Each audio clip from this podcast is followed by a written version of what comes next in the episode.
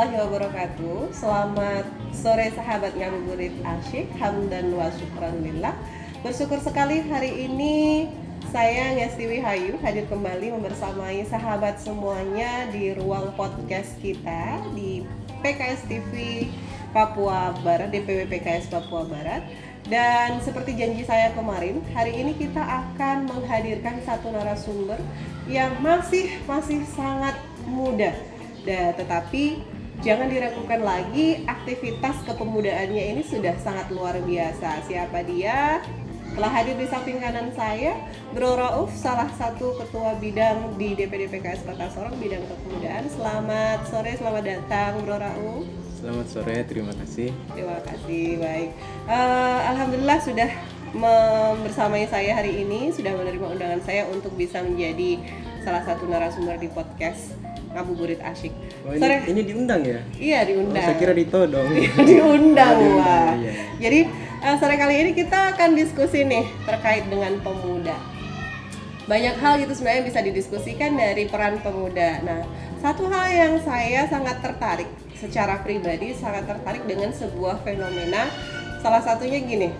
Saat ini kita tahu beberapa nama pemuda gitu ya. Usianya masih tergolong muda yang sudah masuk ke daftar kabinet pemerintahan Indonesia. Kemudian banyaknya pemuda-pemuda baik di uh, PKS sendiri dan juga di parpol-parpol lain yang itu tatarannya memang masih milenial gitu, ya, tetapi sudah sudah masuk di tataran politik praktis, ya. menjadi pengurus partai bahkan legislator legislator di masing-masing tingkat uh, apa level kepemimpinan yang ada ya. di Indonesia.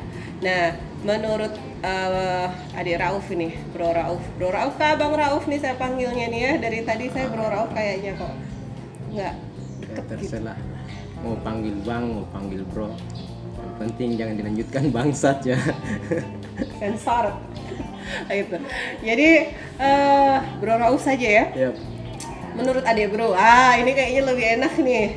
Menurut adik Bro, uh, fenomena ini ini menjadi fenomena yang berbeda daripada tahun-tahun sebelumnya. Sekarang ini sepertinya pemunculan milenial di panggung politik praktis itu lebih terasa. Gitu.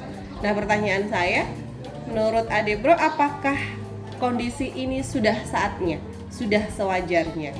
Nah, sedangkan bisa jadi resiko yang nanti akan didapatkan ketika pemuda-pemuda itu bergabung di dunia politik praktis yang kita takutkan gitu yang dikhawatirkan banyak pihak adalah hilangnya idealisme yang dimiliki, yang dimiliki oleh para pemuda tadi. Gimana tanggapannya Adik Bro? Baik, kita melihat dari kacamata apa ini? Kita kacamata lihat, berbangsa dan bernegara dulu ya. Uh, kita juga bisa melihatnya dari perspektif agama kita dari siroh nabawi siroh sahabat uh, sampai kepada sejarah uh, lahirnya bangsa Indonesia sebagai sebuah negara yang merdeka dan berdaulat iya. uh, ini tidak asing di telinga kita masing-masing bahwa negara kita diperjuangkan oleh anak-anak muda iya kan? Iya betul. Ah, kita saja yang belakangan ini ya kita saja yang belakangan ini yang kemudian tidak memberikan kepercayaan atau porsi yang besar kepada anak-anak muda. Jadi semua hal-hal ya kebanyakan mungkin ya kebanyakan hal-hal diambil alih oleh orang tua. Generasi ya, senior. generasi senior generasi tua yang kemudian uh, memunculkan suatu stigma bahwa anak-anak muda tidak punya panggung gitu dan muda tidak punya panggung. Nah, padahal kalau kita mau lihat dari sejarah bangsa kita, tadi ada sebutlah Bung Tomo, ya kan? Iya. Atau sebut saja Presiden RI yang pertama Soekarno. Soekarno. Beliau kan memperjuangkan Indonesia ini dengan uh, teman-temannya, dengan rekan-rekannya itu di usia yang masih sangat muda, masih sangat muda. Itu satu dari perspektif kebangsaan kemudian dari perspektif agama kita kalau di PKS ini kan kita menganut menganut nilai nilai-nilai keislaman kan ya. melihat dari perspektif uh, sejarah keislaman bahwa Nabi juga Nabi Muhammad juga itu yang direkrut pertama kali dalam apa namanya yang diajak untuk berjuang bersama-sama untuk membangun peradaban ini adalah anak-anak muda. Sebut saja misalkan kita kenal Ali bin Abi Thalib, ada Said bin Sabit, Iya. ada Amr bin As, Amr bin As. dan sahabat-sahabat yang lain yang usianya masih belas- belasan tahun gitu, masih belasan tahun. Bahkan kan eh, Musa bin Umair itu yang menjadi duta pertama dalam sejarah Islam itu, negosiasi. ya itu negosiator pertama yang diutus oleh Nabi ke Madinah itu, yang bisa mengislamkan orang-orang di Madinah, itu kan usianya belasan tahun. Hmm, Itu anak biasa muda ya. itu anak muda. Nah artinya apa? Bahwa sudah saatnya memang uh, kita kembali ke hal itu. Jadi generasi tua harus memberikan porsi yang banyak kepada generasi muda untuk kemudian melakukan hal-hal yang bisa melakukan perbaikan-perbaikan di negeri ini. Gini, Umar bin Khattab pernah ngomong begini. Kalau saya menemukan masalah, kalau saya mendapatkan masalah, yang pertama kali saya cari adalah anak muda. Hmm. Ini kan keren ini, anak muda yang dicari. Kenapa anak muda? Karena satu, anak muda itu punya energi, Iya. punya energi, tapi tidak punya banyak Duit. pengalaman. Oh gitu ya, banyak duit. tidak punya banyak, tidak punya banyak pengalaman. Baik, baik. Nah, hal inilah yang kemudian memberikan keberanian kepada anak-anak muda untuk melakukan banyak hal. Karena itu tadi tidak punya pengetahuan banyak, tidak punya pengalaman banyak, Hmm. sehingga kemudian tidak berpikir banyak risiko. Tabrak saja Tabrak gitu ya. saja istilahnya Bang Samsir gitu Oh, ya. iya. Tabrak saja. Tabrak saja. Tidak berpikir banyak risiko. Sehingga kemudian saya ingin mengatakan begini. Eh, bangsa Indonesia ini kan sedang mengalami hal-hal yang apa namanya eh, kritis mungkin istilahnya ya. Dalam kita banyak masalah, Hmm. kita banyak masalah. Tapi tidak usah disebut satu-satu. Oh. Kalau disebut satu-satu, nanti cukup waktu ya. podcast kita habis, Habis. untuk melis permasalahan-permasalahan Iya. bangsa gitu. Sudah saatnya anak-anak muda diberi kesempatan untuk kemudian eh, melakukan proses-proses perbaikan di negeri ini. Sebagaimana Iya. tadi di awal bahwa negeri ini direbut oleh anak-anak muda. Iya, iya. Berarti memberikan ruang ruang gerak kepada para pemuda untuk bisa membangun peradaban bangsa. Bahasanya seperti itu. Iya benar.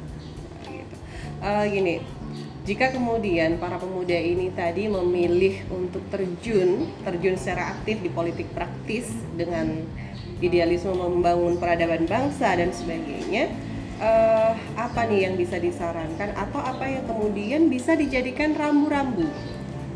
Dijadikan Baik. rambu, dijadikan eh, etik yang itu bisa menjaga idealisme yang kemudian idealisme itu tidak akan pernah bisa tergadaikan gitu. Baik, Ah, yang pertama kita di PKS ini kan sekali lagi kita berpolitik dengan menggunakan politik nilai. Iya. Yang kita Value-nya. bawa adalah value, Iya. yang kita perjuangkan adalah ah, value, bukan kepentingan golongan, bukan kepentingan pribadi. Iya. Iya kan? Iya. Itu yang kita perjuangkan di PKS bahwa kita ingin menjadikan Islam ini sebagai rahmatan lil- alamin. Iya. Ya. Islam sebagai rahmatan lil alamin. Nah, nilai itulah yang harus dibawa. Nilai itu yang harus kita bawa ke dalam panggung politik, terutama anak-anak muda. Iya. Jangan lepaskan nilai-nilai ini karena sejatinya itu yang kita perjuangkan. Itu yang kita perjuangkan. Kalau di dalam hadis Nabi menyebutkan khairun nasi anfa'uhum linnas. Jadikan ini sebagai prinsip. Iya. Jadikan ini sebagai prinsip bahwa eh, yang paling baik di antara kalian kata Nabi itu adalah orang yang paling banyak manfaatnya. Orang yang paling banyak manfaatnya. Nah, kalau ini kemudian bisa menjadi prinsip kita semua, terutama legislator-legislator legislator muda itu eh, ini akan memberikan tatanan yang baik terhadap tatanan bernegara kita. Bayangkan kalau semua politisi atau bahkan semua orang Indonesia ini berprinsip ingin menjadi orang yang terbaik bagi sesamanya, kan nggak ada yang akan saling merugikan, Betul. iya kan? nggak ada yang Siner- saling bersinergi merugikan. akhirnya. Bersinergi. Semua, ber- semua berorientasi Iya. untuk bangsa. gitu. Semua berorientasi untuk bangsa. Tidak ada yang berpikir saya dapat apa. Sehingga kemudian tidak akan ada yang berpikir saya ngambil apa dari orang lain. Betul. Apa yang saya dapatkan? Ap- Lebih banyak apa yang saya dapatkan? Sip. Ya. Jadi politik politik nilai. Hmm. Politik nilai itu jangan dilepas sebagai identitas kita karena sekali lagi ya kita masuk politik dalam rangka itu kita ingin memperjuangkan nilai-nilai yang diajarkan oleh Nabiullah Muhammad SAW dibawa ke panggung politik karena gini politik ini kan saya ingin menyebutnya sebagai sunnah Rasul Iya iya. iya kan Betul. politik Rasul ini kan sebagai sunnah Rasul bukan sekedar mengajarkan Mencontohkan. Nabi pelakunya Iya. Nabi kan hijrah dari Mekah ke Madinah itu ya sampai di sana membangun peradaban, membangun negeri, iya kan? Betul. Nabi jadi kepala pemerintahan, Pemerintahannya, ke bawahnya iya. Nabi jadi panglima perangnya, iya kan? Dan tidak melepaskan statusnya sebagai kena- nabi, iya kan? Tidak melepas melepas statusnya sebagai nabi. Sehingga apa? Sekali lagi saya ingin mengatakan bahwa berpolitik ini adalah menjalankan sunnah Rasul. Iya. Sunnah Rasul. Karena dari Madinah itu Nabi membangun peradaban sampai kepada penaklukan Konstans- Konstantinopel pada akhirnya. Kan gitu. Iya iya. iya. Baik. Eh, kalau berbicara tentang pemuda dan politik, sekarang ini kan memang tidak hanya PKS saja itu ya. Semua parpol lain juga menyasar Iya. milenial. Nah, saya ingin fokus ke PKS. Ada yang ada yang berubah dari PKS akhir-akhir ini kalau kita lihat di media sosialnya PKS terutama di PKS muda. Ada Dokter Gamal, kemudian yang tampil juga sepertinya lebih fresh dibandingkan pada periode-periode sebelumnya. Banyak wajah-wajah baru, banyak pemuda-pemudi yang yang kalau saya bilang PKS sudah tidak tersegmentatif gitu. Tidak hanya untuk mereka yang dari dulu kelihatan jilbaber atau yang jenggoter gitu, tapi sekarang sudah mulai banyak yang muncul dengan branding PKS itu ya banyak teman-teman eh, publik apa namanya tokoh publik kemudian eh, mereka-mereka yang di luar komunitas ini pada awalnya ini menarik ini fenomena ini juga menarik Baik. Eh, yang pertama eh, kita tidak meninggalkan status lama sebenarnya. iya Karena sekali lagi itulah yang menjadi eh, apa namanya? perjuangan kita di PKS ini. Kita ingin menjadikan Islam rahmatan lil alamin sampai ke pelosok-pelosok negeri ini. Bukan hanya dirasakan oleh yang tadi orang-orang jilbaber, orang-orang yang punya jenggot panjang dan seterusnya dan seterusnya. Islam ini kan harus sampai di akar rumput, iya. Terutama termasuk sampai kepada anak-anak milenial itu. tapi ini bukan cuma sekedar untuk pemenangan 2024 saja. Oh, gini, apa yang Kita terjadi ini- ini? Saya jadi penasaran. Kita ini kan apa namanya istilahnya gini. Kalau dokter Gamal ngomong gini seberapapun usia kita tidak peduli seberapapun usia kita. Ide kita narasi kita gagasan kita harus bergemuruh di panggung demokrasi Indonesia. Tetap ya. Ya. Harus bergemuruh di panggung demokrasi Indonesia. Kita selama ini kan sebenarnya menjadikan milenial ini sebagai mangsa politik. Saya menyebutnya sebagai mangsa objek politik. politik ya. Masih terlalu nah, Baik- baik gitu ya. Baik kalau kalau objek. objek. politik. Kalau dokter Gamal mengistilahkannya dengan objek politik. Tapi kalau saya pribadi ingin menyebutnya sebagai mangsa politik. Kenapa? Karena anak-anak milenial akan dicari ketika dibutuhkan suaranya. Dibutuhkan suaranya. Nah kita tidak ingin seperti itu. Sekali lagi negara ini bangsa ini didirikan oleh anak-anak muda. Anak muda tidak boleh sekedar menjadi objek politik tetapi harus menjadi subjek menjadi pelaku untuk memberikan kontribusi bagi keberlangsungan bangsa ini iya.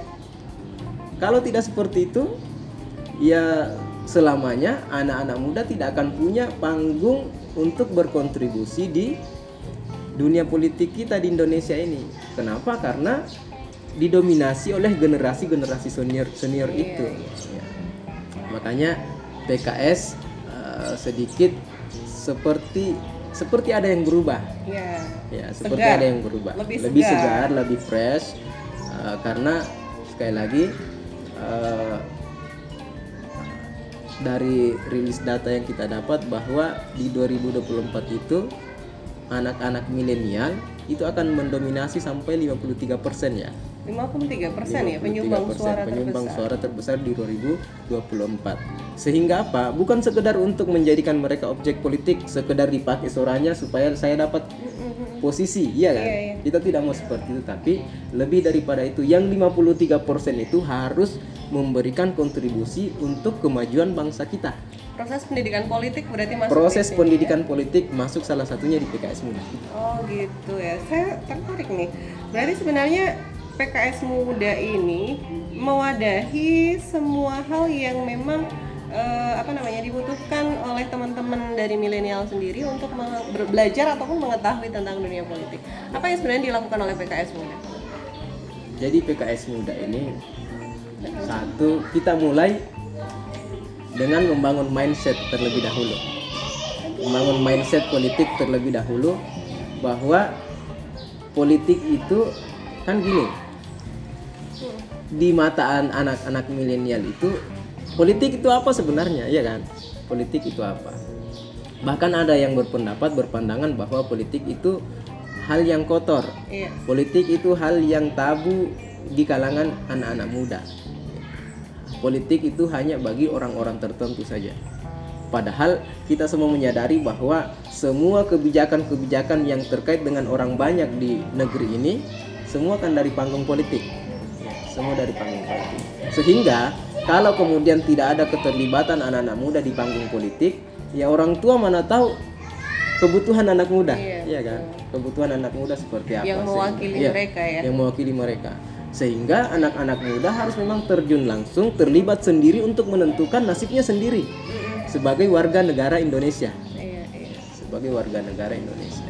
Karena yang paling tahu tentang kebutuhan kita adalah kita sendiri, kita sendiri. Nah, terkait dengan uh, program-program PKS Muda, ya setelah tadi membangun mindset, uh, anak-anak muda sudah uh, mengerti, sudah meyakini bahwa uh, politik ini adalah sebagai pan- panggung perjuangan sekaligus sebagai panggung untuk berkontribusi.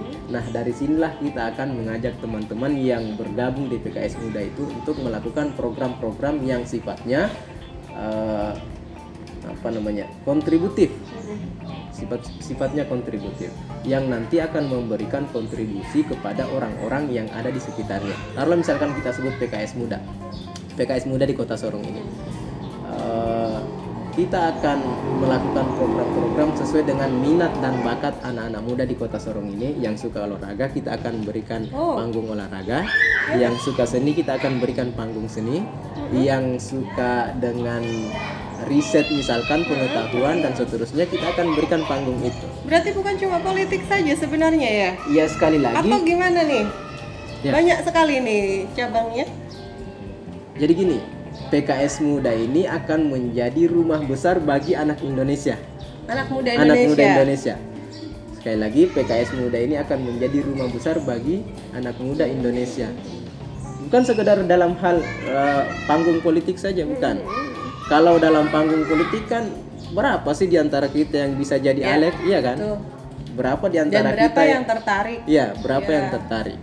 Tapi kalau kemudian sampai masuk pada segmentasi sesuai dengan minat dan bakatnya masing-masing, itu akan lebih banyak yang tertarik.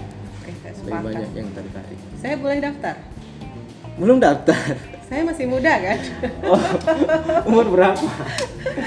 Oke. Eh, kita 30 tahun ke bawah. Oh iya, saya sudah expire berarti 30 ya. tahun ke bawah. Baiklah. Mulai dari umur 15 tahun kita berikan pendidikan 15 politik. tahun. Ya. 15 tahun 15 ya. tahun kita berikan pendidikan politik Hah? uh, untuk kemudian membangun mentalnya Oh. untuk menjadi politisi dan sampai pada tahapan negarawan.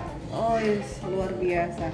Baik, terakhir kalau umpamanya seandainya setelah ini sahabat ngabuburit yang nonton channel kita, yang nonton podcast kita tertarik pengen gabung dengan PKS Muda. Kira-kira apa yang harus mereka lakukan nih supaya bisa tergabung dengan PKS Muda di masing-masing daerah? sederhana saja. Sederhana dari PKS Muda ini eh, cara kita merekrut itu dengan ngopi. Puasa. Ya ngopi malam hari. Oke, baik. Ngopi malam Ngobrol ya. ngobrol Ya. ya. Eh, termasuk dalam waktu dekat kita akan melaksanakan buka puasa milenial Ya. ya, buka puasa milenial dan teman-teman bisa datang di agenda itu sekaligus kemudian langsung mendaftarkan dirinya kepada eh, kami. Berarti temui pengurus PKS muda di masing-masing wilayah. Temui pengurus eh, Daerah ya, masing-masing daerah dan wilayah. Itu yang bisa eh, kita lakukan.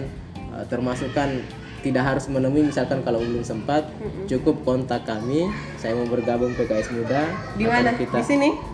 Eh, nggak ada di sini. Di sini ya. Nanti kita bikin di sini. Iya. Eh, cukup seperti itu jadi tidak ada nggak nggak repot gitu karena kan namanya anak muda tidak suka dengan hal-hal yang merepotkan kita bikin instan kita bikin eh, apa namanya yang penting mau bergabung silahkan datang bersama kami dan dari PKS Muda ini kita akan membangun negeri insya Allah Luar biasa. Baik. Saya rasa diskusi kali ini sangat menarik gitu ya. Hanya saja karena keterbatasan waktu kita dan masih banyak hal lagi yang nanti ke depan bisa akan kita diskusikan bersama ya, Dek ya. Boleh lah Boleh lah, nanti siap untuk menjadi bintang tamu selanjutnya. Terima kasih eh, saya ucapkan kepada Ade Bro Abdul Rauf selaku Ketua Bidang Kepemudaan DPD PKS Kota Sorong dan terima kasih pula kepada seluruh sahabat ngabuburit asyik yang sudah menyaksikan channel TV kita sore hari ini. Purna sudah perjumpaan kita kali ini. Saya Ngesti Hayu, mohon maaf apabila ada salah-salah kata kurang dan lebihnya kita akhiri. Wassalamualaikum warahmatullahi wabarakatuh. Waalaikumsalam warahmatullahi wabarakatuh